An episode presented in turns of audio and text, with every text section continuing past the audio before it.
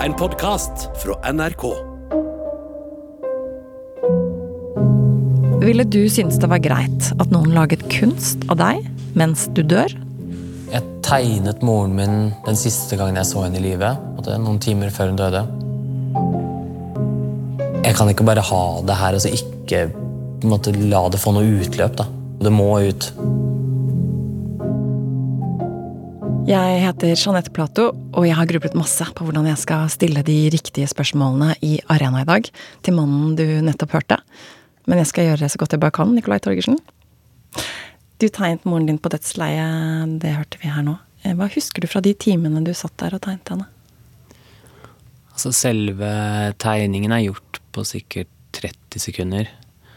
Um, og det var mer et slags sånn en respons på at jeg ikke klarte å være der, da. Eh, det var veldig tydelig at hun var i ferd med å dø. eh, at det var veldig nært forestående at hun kom til å dø. eh, og var helt bevisstløs, egentlig. Lå bare og gispet etter luft. Og nesten sånn Altså det føles nesten teit, liksom, for at det er så, det er så typisk at jeg liksom skulle tegne henne, men jeg klarte ikke å la være, da. Og det, det, det er det det blir. Jeg er egentlig fornøyd med å ha gjort det også, fordi at det er det jeg husker nå da, av det. Men Ja, Hvorfor er du fornøyd med å ha gjort det? altså alt eh, det, det føles kanskje litt påtatt i øyeblikket, da. Eh, kanskje noe at jeg ser meg selv litt utenifra om at eh, er dette greit, kanskje, eller ville personen likt det? Men, eh, men for meg så er det veldig viktig å ha det minnet, da, i hvert fall. Hva gjør selve prosessen med å tegne med deg i et sånt øyeblikk? For meg så Og det gjelder ikke bare det å tegne f.eks. min døende mor, da, men det å tegne ned eller bearbeide eller klare å dekonstruere en situasjon eh, er viktig for at jeg skal forstå det og slå meg til ro med at verden er på den måten her, da. Uten noe håndfast som jeg har skapt om det, så syns jeg det er veldig vanskelig å godta virkeligheten, egentlig. Hun døde i 2011. Um, Du slet selv med rus da, eh, og klippet vi hørte var fra serien Kunstnerliv på NRK. Eh, Og den sterke episoden eh, om og med deg har tittelen 'Fra hjemløs til mangemillionær'. Så vi kan vel Ja, ikke sant? Der kom det et ansiktsuttrykk som eh, kanskje ikke du helt eh, var komfortabel med den. Nei, det er narrativet som går igjen uansett, da. Jeg vet ikke hvor viktig Nei. de det, pengene er, men ja. men at det går bra med deg, er kanskje viktig. Det går bedre, helt klart. Økonomisk går det veldig mye bedre, men altså, personlig går det også bedre. Eh, Jeg er friskere enn jeg har vært noen gang i mitt liv, som gjør at jeg kan jobbe hver dag. Det er nok det viktigste av alt, egentlig. Spurte du moren din om det var greit å tegne henne idet hun dør? Nei. Har du tenkt, har du noen gang angret på det, eller lurt på hvordan det ville vært? Nei, jeg eh, Jeg vokste opp med to veldig kjærlige foreldre, selv om de hadde sine problemer, og på en måte at det kom til uh, uttrykk gjennom uh, av at jeg kanskje har hatt en litt annerledes oppvekst enn de rundt meg. Um, men de har vært veldig støttende i det jeg driver med, og på en måte veldig uapologetiske. Bare gjør hva faen jeg vil, liksom. Så er det bra nok. Eh, Så jeg tror egentlig begge to ville backa det, på en måte. Mm. Lars Elling, du er kunstner og forfatter, og også med i Arena her i dag. Ehm, Du har også tegnet faren din eh, på dødsleiet. Hva husker du fra det øyeblikket? fra selve tegningen. altså, jeg begynte å Jeg tegnet mange tegninger av, av min far da han var eh, døende. Jeg var eh, mot slutten på en, eh, en arbeidsperiode fram mot en utstilling som skulle handle om det motsatte. Om et sånt, jeg hadde et sånt vitalismeprosjekt hvor jeg holdt på med min indre tolvåring. Og så ble min far eh, rammet av en galopperende kreftform som, eh, som dytta han over fra å være helt frisk til helt død eh, over, over kanten på klippen i løpet av fire eh, hårreisende uker. Så eh, jeg tenkte at denne utstillingen blir jo et falsum hvis dette ikke er med, i og med at jeg har levd et langt liv med å forsøke å gi form til alt jeg, har, alt jeg opplever. Så ville det blitt et, et falskt neri og skjønnmaling. Um, hvis jeg ikke hvis utstillingen ikke reflekterte det jeg nå gikk gjennom, som jeg så han gikk gjennom. Mm.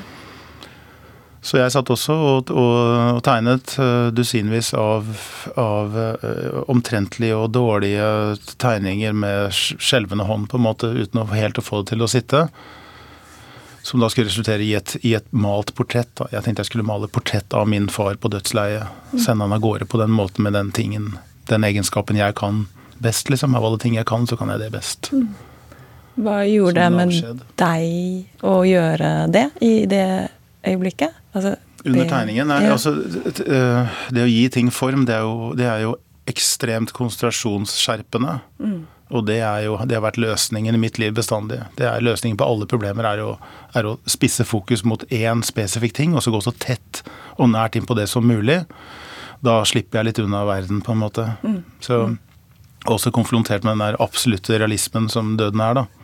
Mm. Så kunne jeg på en måte gå inn i en slags fiksjon gjennom tegningen. Mm.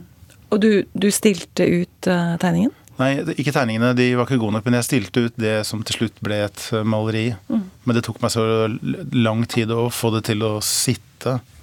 Så det tok meg fem måneder. Fem måneder og to dager. For å være nøyaktig. To dager effektiv maling. Fem måneder ikke så, ikke, ikke så vellykket maling. Før det satt sånn som det, sånn som det sitter, da. Eh, hvordan er det med deg, spurte Nikolai her om han spurte moren sin. Spurte du faren din? Nei, jeg gjorde ikke det. Um, jeg gjorde ikke det. Uh, han var ikke uh, tilsnakkende heller på det, det tidspunktet. Um, men interessant nok, interessant nok så tegnet jeg også hans far noe før han døde. Um, og da var jeg vel 16 år. Og, og da, da, da, tegnet jeg en sånn blindkonturtegning som viser det liksom kranialet som skjer da når, når du er i ferd med å dø. så forsvinner jo dynamikken i alle bløtdelene, og kraniet stiger fram. på en måte, Så blir, alle blir veldig like hverandre i dødsøyeblikket. Og Den tegningen syntes jeg ble så fæl, så, så det, jeg var så vant til å få liksom, skryt for fine tegninger da jeg var 16, så tenkte jeg det må jeg hive. Men jeg rakk ikke å kaste den, så jeg la den på senga på gutterommet. Så glemte jeg den, og så kom faren min inn samme dag. Så stakk han innom meg for å se om jeg var der, og da fant han tegninga. Så gikk han opp trappa og så sa han, 'Du, har du tegna bestefar?' Så tenkte jeg 'Å nei'. Å nei, han fant den. Mm. Så kom han opp og sa han, 'Dette er noe helt annet'. Ja, men jeg beklager, den, den, er, liksom, den er, jo veldig stygg. Nei, nei, nei. Det er helt annet nivå. Det er helt annet nivå. Glem alt du har gjort tidligere. Det er helt annet nivå. Så du kan jo rammet den inn, og så sendte på høstutstillingen. Så jeg, min, første, min, første, ordentlige refusjon kom, fra, kom da jeg var 16. På akkurat den tegningen, så i min fars tilfelle, så vet jeg at han ville likt sitt eget portrett. Ja. Mm, jeg skjønner. Helt kontrafaktisk. Eh, vi må snakke om at en som ikke likte det, var jo eh, enken etter din far, altså din stemor. Mm. Eh, hun, hun, mente jo at det var uetisk. Eh, jeg leste i en NRK-sak hun sa at det var eh, svært krenkende, leit og skuffende. Både for din far og, og henne. Mm. For hun ville jo heller at han skulle huskes som glad, hvis jeg forstår henne riktig. Hva tenker du om det? Det er, det er å sette ting fullstendig på hodet. Det er en helt fullstendig misforståelse og helt misbruk av ordet som krenkelse og verdighet. Altså. Mm. Det å dø er ikke en privatsak. Hvorfor ikke? Når, når du fødes, så fødes du inn i et samfunn. Du du ønskes velkommen av de levende. Du fødes inn i en familie. Du gis et personnummer, og etter hvert også øh, Du blir skattepliktig til din bostedskommune. Når du går ut av tiden, så tas disse tingene fra deg. Og, man, man, fødes inn i offentligheten, og man dør fra offentligheten. Dette er ikke en privat ting. Det er ingenting krenkende ved det. Det er ingenting skammelig eller flaut ved å dø. Det er ikke noe skammelig og flaut ved å se herjet og døende ut når du er døende. Eh, Nikolai, du på Instagram så har du lagt ut eh, for en stund siden da, dette bildet av moren din. Du viste oss det i sted. Og der refererer du til Lars Elling. Hvorfor det? Hva er det du har sett hos han som har gitt noe gjenklang hos deg? Altså Det som først slo meg, var at altså, tegningen jeg tegnet av moren min, det var i 2011. Så gikk jeg videre med livet mitt og alt det innebar, og, og holdt på med det jeg, jeg portretterte moren min ofte i årene etter det, som døende og som død men uten den, den der veldig konkrete formen av en død person, da, som Lars er inne på, at eh, de, de, blir veldig like. Eh, som at på en måte døden tar over litt, litt og litt av personligheten, og at det mennesket man kjenner, bare forsvinner gradvis. da. Um, og i årene etterpå så kunne jeg gå gjennom kunstbøker eller se utstillinger eller hva enn det var, og, og komme over forskjellige bilder av uh, forskjellige kunstnere som hadde tegnet eller malt, uh, portrettert foreldrene sine døende. da. Mm. Blant annet uh, Lars Elling, Kjell Torreseth, Per Inge Bjørlo. Håkon Bleken. Håkon Bleken, ja. Mm. Munch. Munch. Mm. Hvor jeg hver gang ble møtt med litt sånn wow, dette er, dette er det samme, vi har gjort det samme, da. Mm. Uh, og litt som Lars er inne på også, så er det noe med det å, å gå litt sånn inn, inn med forstørrelsesglass, inn med lupe på noe veldig konkret for Og nesten sånn skyggelapper for seg selv for å takle verden. Hvis jeg klarer å forstå hvordan dette mennesket dør, da, så, så gir det meg i hvert fall mye trøst og, og ro, egentlig. Ja, hvordan da? Um, jeg har alltid hatt vanskelighet for å godta virkeligheten som den er. Eh, jeg er ikke religiøs eller overtroisk på noen som helst måte, men jeg er veldig vanskelig for å godta at jeg ikke bare kan fly, f.eks. Hvorfor skulle jeg ikke det, eller hvorfor skulle jeg ikke bare kunne være gjennomsiktig, liksom, eller og Hver gang jeg prøver å konkretisere litt sånne helt sånn tåpelige ideer som jeg vet at ikke funker, da, som f.eks. at jeg ikke tror noe på at døden er endelig Eh, er vanskelig for å forstå hvorfor jeg ikke bare kan få den personen tilbake i noen minutter, i hvert fall, eller et eller annet. Mm. Så hjelper det meg i hvert fall å konkretisere verden til et punkt hvor jeg liksom har det fysisk foran meg at dette er i hvert fall min virkelighet. At dette er min verden som jeg har lagd. Og liksom min egen boble som det bare er mine regler og jeg som organiserer og styrer og har kontroll over. Mm. Lars, ja, var du også inne på noe med det at man kanskje skal skjule døden? Eller altså, det er noe vi må på en måte orke og tørre å snakke om og deale med? Det er jo absurd at man skal forsøke liksom å allmenngjøre døden. Men når noe som er allment, så er det det. altså. Ja. Så det, det, det, ligger liksom i sakens natur. Ja. Så at det på en måte skal være kontroversielt, det sier noe om, det sier noe om vår kulturs øh, øh, hyllest av det vitale og skam overfor svakhet. Mm. Det, er, det, er, ingen som dør med støvla på, selv når du er 94 og går Birken, liksom.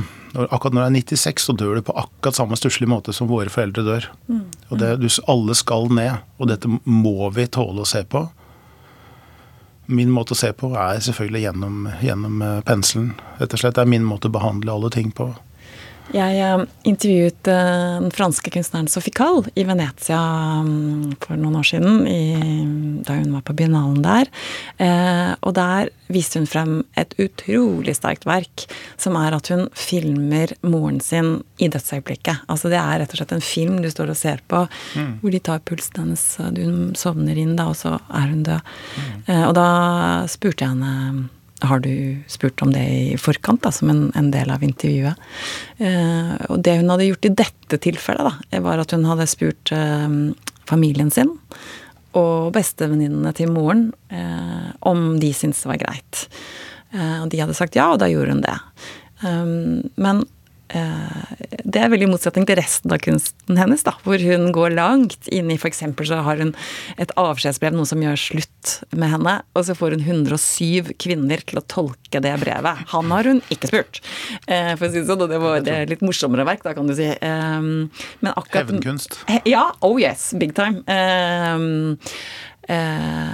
men jeg tenkte på det å filme noen. Du sa pensel i sted. Ja, ikke sant? Ikke sant? Det, ja, det, er noe det... litt annet, da. Hva, hva skjer med det? Er det? Ville dere gjort det? Det er interessant. Nei. Jeg synes akkurat Den overgangen er interessant. Altså, det øyeblikket du setter på som levende film, svart-hvitt foto, altså Morten Krogvold, er det innafor? Er det en grense der mellom det og det å bare sette på et videokamera og filme dødsøyeblikket? Er det noe snøff over det? Liksom? Er det, er det et eller annet jeg, jeg, det, det, vet jeg ikke. Jeg, vil, det ville ikke falt meg inn, fordi at mitt medium ikke er fotografiet. Mm.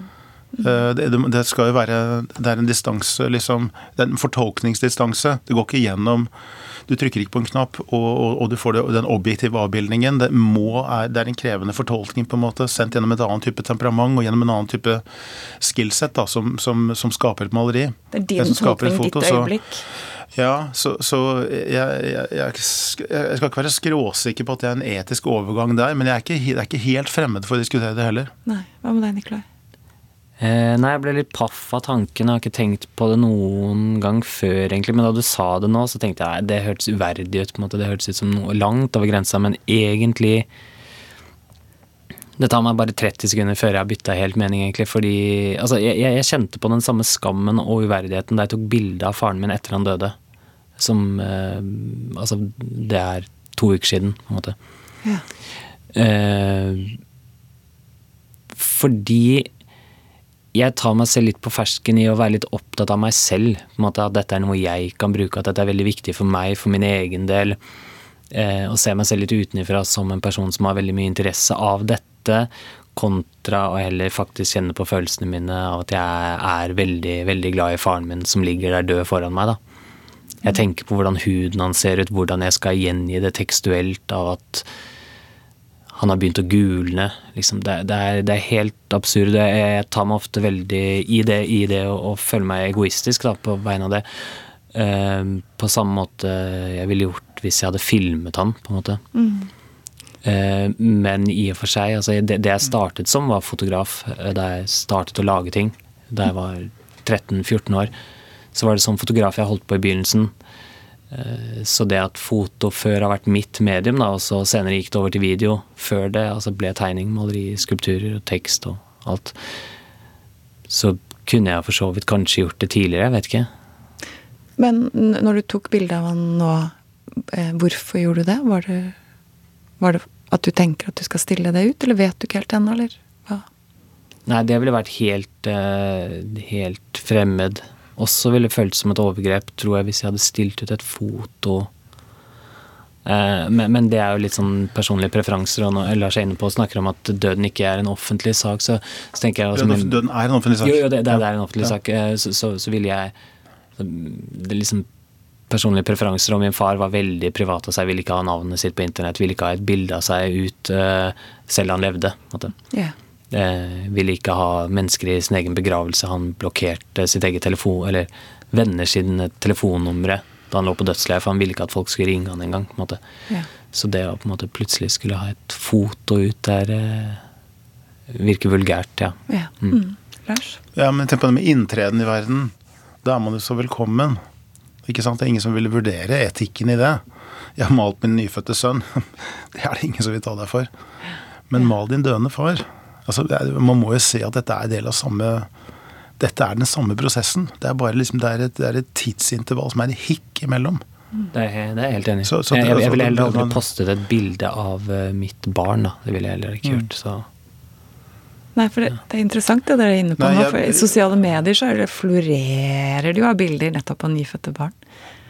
I og for seg også ganske mye fælt også, da, på sosiale medier. Der er det jo mange grusomme eksempler av ekte vold og død som filmes og legges ut.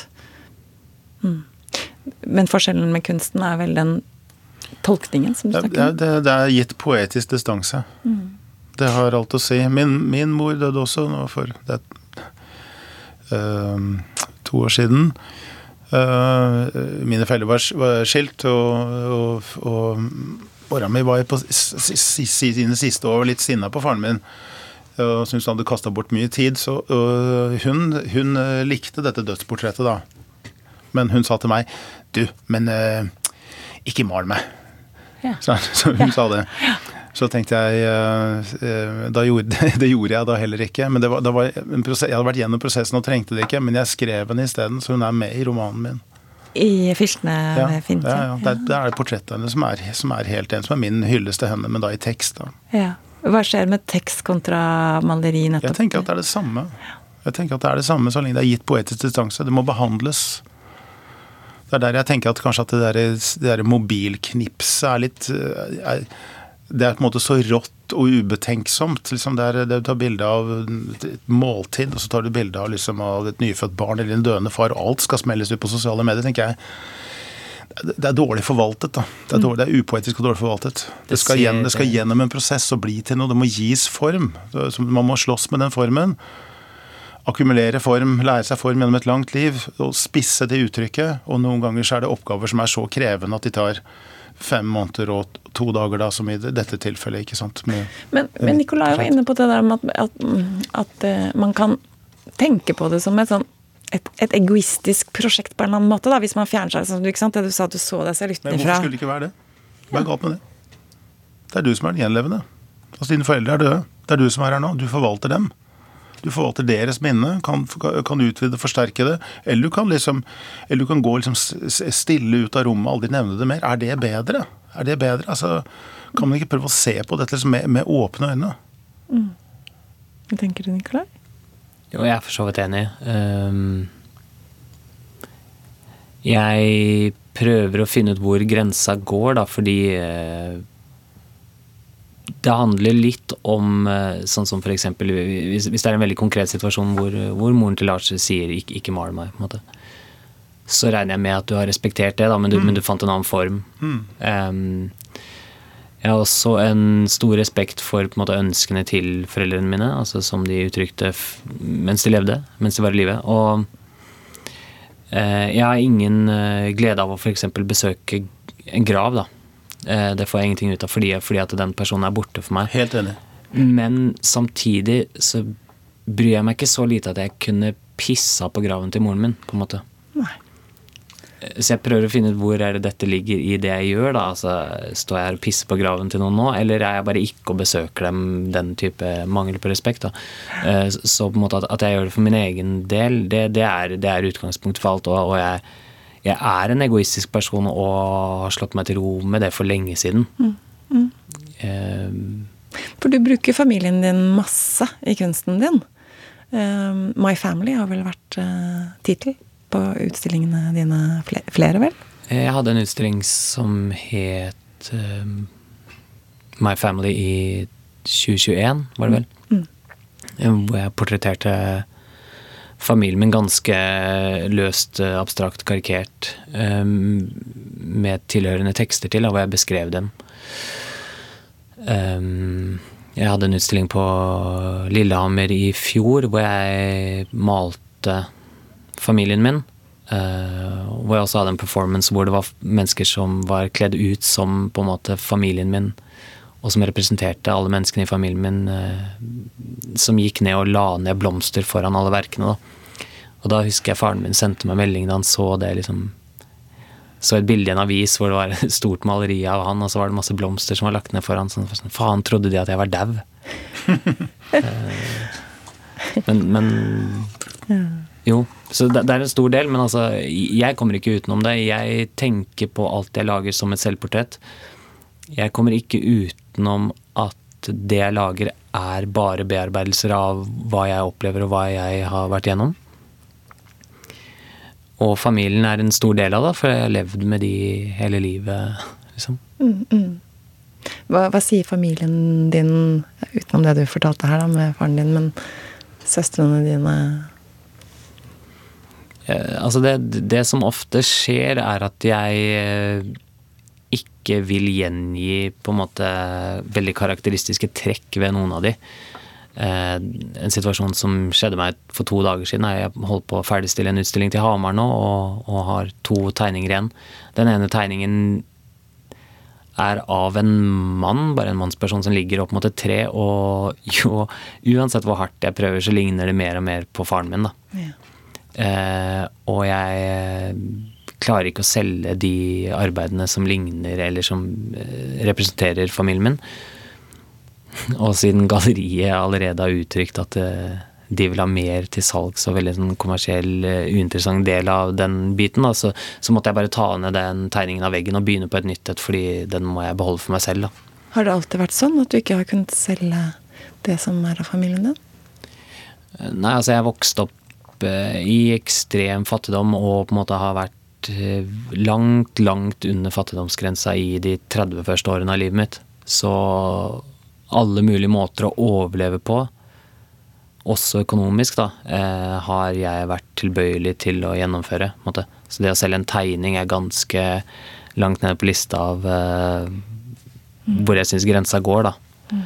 Eh, jeg har gjort verre ting enn det for å få tak i penger. måte. Mm.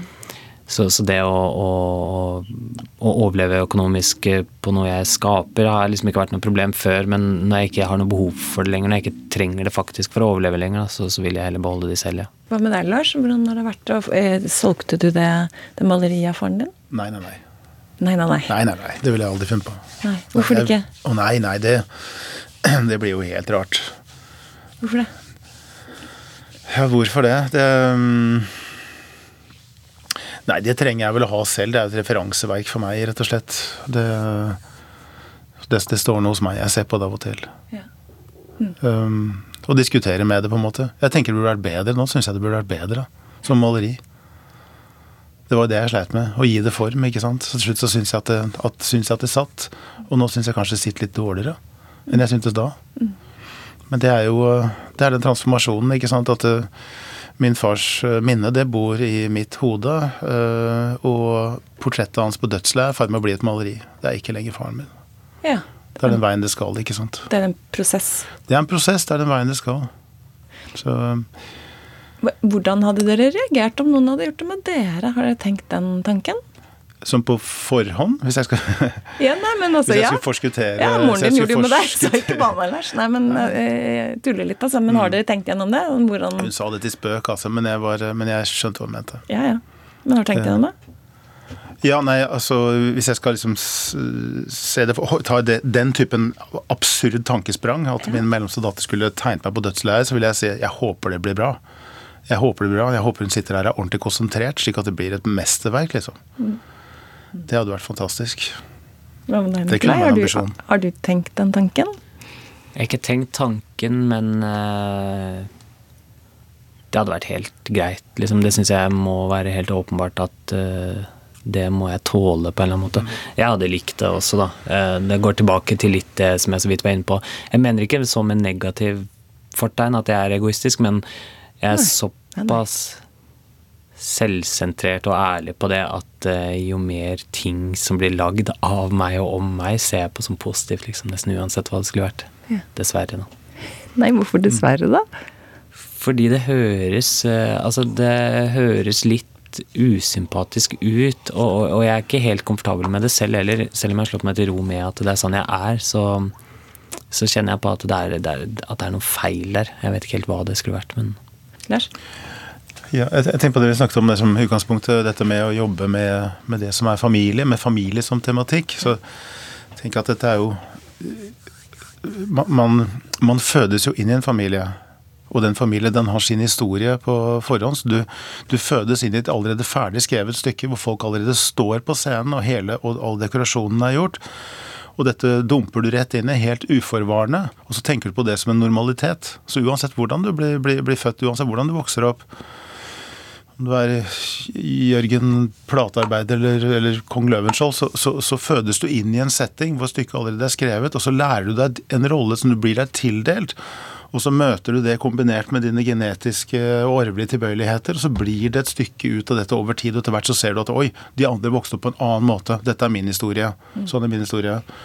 Og hvis du har den tilbøyeligheten som Nicolai og jeg har, da, til å, til å omsette ting i, i, i form, da er jo det materialet du bruker. Hva annet skulle du brukt? Da sitter du bare og tegner liksom eh, cowboy-indianer-tegneserier. Det, det, det er jo dette som er materialet ditt. Det å ikke vedkjenne seg det, er jo meningsløst og, og, og, og, helt selvmotsigende. Louise, Louise Bourgeois sa at eh, at hun ikke hadde opplevd noen ting som voksen hun kunne bruke som kunstner. Alt var, fra, fra, var, var eh, sterke opplevelser fra, fra oppvekst og fra den tiden hvor du fra før du blir verdensvant og vant til verden, fra før du sitter på din egen skulder og betrakter alle ting med en kjennemine, men du må stå i det, og du må improvisere deg gjennom hver eneste situasjon. Og du blir sett med et sett med erfaringer. Det er det som er materialet ditt. Men hva jeg, med jeg, jeg tenker på det samme selv med at det, bare, det er en slags sånn det, det kommer opp hver gang noen spør meg hva er du inspirert av, eller hvem er du inspirert av? Som at inspirasjon på en måte er, er en slags sånn derre eh, En sånn ting jeg må finne hele tiden. Altså inspirasjon trenger jeg ikke, da. På en måte, alt ligger inni meg, og alt av mine erfaringer er allerede der. Så det er bare å plukke fram når jeg trenger det. Det er ikke det, er ikke det å se altså, Da jeg drar på studio, så sitter jeg ikke og finner på ting. på. Nei, jeg tror hvis du, hvis du tenker oi, hva skal jeg skrive om, hva skal jeg male om, da er du på vei ut i kitschland, da er du ikke på vei inn i kunsten. Så det, så det handler ikke om, det handler ikke om altså Tematikk har du. Det du må slåss med, er å gi ting form, og det du da har av innhold, det vil, det vil komme fram. Hvis du, er, hvis, du, hvis du er streng nok med deg sjøl og jobber presist med form. Det er jo det liksom eh, eldgamle spørsmålet som kommer igjen og igjen, som er om på en måte kunstnere kan tillate seg mer enn andre. Eh, og bare si at det er kunst. Hva tenker du, Nikolai? Ja, altså, forrige utstillingen jeg hadde, det var i august 2023. Da hadde, lagde jeg en installasjon hvor hoveddelen av installasjonen var en fem og et halvt minutt lang film av meg som eh, tok eh, forskjellige rusmidler, altså kokain hovedsakelig, da. Um, hvor jeg også ble preppa i kanskje to-tre timer i dagene før av min gallerist som, som, da lekte Fredrik Solvang og, og, stilte meg veldig kritiske spørsmål om hvor, hvorfor jeg gjorde dette, og må huske på at jeg er et forbilde, og at unge kan se det, og hvorfor viser jeg dette fram. og og så kom dagen, og jeg hadde vel fire-fem intervjuer og ikke et eneste kritisk spørsmål. Det var bare klapp på skulderen, og du er veldig modig som viser dette, og veldig fint at du viser det fram. Og jeg, jeg blir litt eh, jeg, blir litt sånn litt skuffa over det nesten, da, fordi enhver annen person enn meg som hadde gjort det, eller en kunstner, da, eh, som også er en ubeskytta tittel, på en måte, ville jo fått livene sine ødelagt. Altså, de ville mista foreldreretten og mista jobben sin. og altså, Sunket i sosial status og på en måte mistet venner. Det er helt absurd. Ja. Alt jeg gjør, blir på en måte hyllet, da, uansett om jeg står alene for meg selv og er egoistisk da jeg går seg ned 15 timer i døgnet og ikke bryr meg om noen andre enn å bare se meg selv i speilet og tegne meg selv, liksom. Så blir det hyllet. Så jeg tror nok definitivt du er inne på noe der, ja. Mm. Hva tenker du, Lars? Det er helt sentralt at ting ikke sensureres, og at man har ekstremt vide fullmakter i det man gjør. Så dømmes man jo samtidig og i ettertid for hvorvidt det var noe bra eller ikke, for det er ikke det samme. Ikke sant? Man kan gjøre et eller annet hårreisende som bare er en hårreisende gest, som bare er helt utvendig. Så kan man også gjøre noe hårreisende som er dypt og om seg gripende og få betydning. Mm. Det, er, det, det, er det, er, derfor vi har kunsthistorie. Mm. Det er den som vurderer den slags. Men muligheten må være til stede. Eh, du sa i sted, Lars, at det å dø ikke er en privatsak. Eh, mm. Men samtidig Jeg insisterer på det der, altså. Ja, men samtidig, da, bare for å gi et lite motspørsmål på det, så det er jo et ekstremt sårbart eh, øyeblikk. Eh, kan du skjønne at andre ikke liker det, da? Å oh, ja, ja, at man ikke liker det, det er klart det. Nei, nei, nei. Ja, det, det, forstår jeg jo svært så godt. Eh, jeg har stått litt vel tett på selvmord en del ganger. Jeg ser ikke filmer som handler om selvmord. Det er jo ikke filmens problem. Nei. Filmen må få lov til å finnes. Jeg kan jo bare la være å se på den.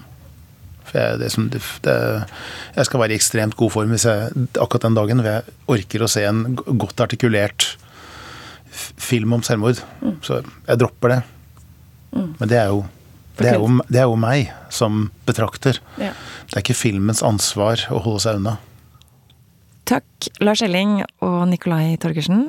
Eh, du kan se Kunstnerliv i appen eh, NRK TV.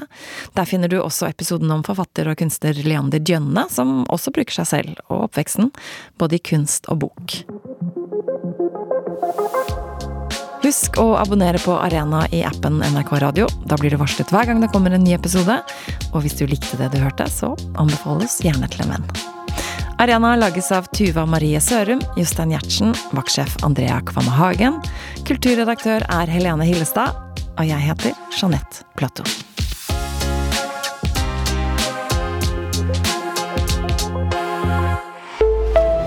En podkast fra NRK. Et av meisterverka til Edvard Munch ble stjålet fra Munch-museet i Oslo i dag. Bare ta hva du vil, gjør hva du vil. Bare du ikke skyter meg. Norges største kunstskatter, malerier av Edvard Munch, har flere ganger blitt stjålet på spektakulært vis. Alle, eller veldig mange, trodde hva jeg hadde gjort det. Hør Munch-tyveriene i appen NRK Radio.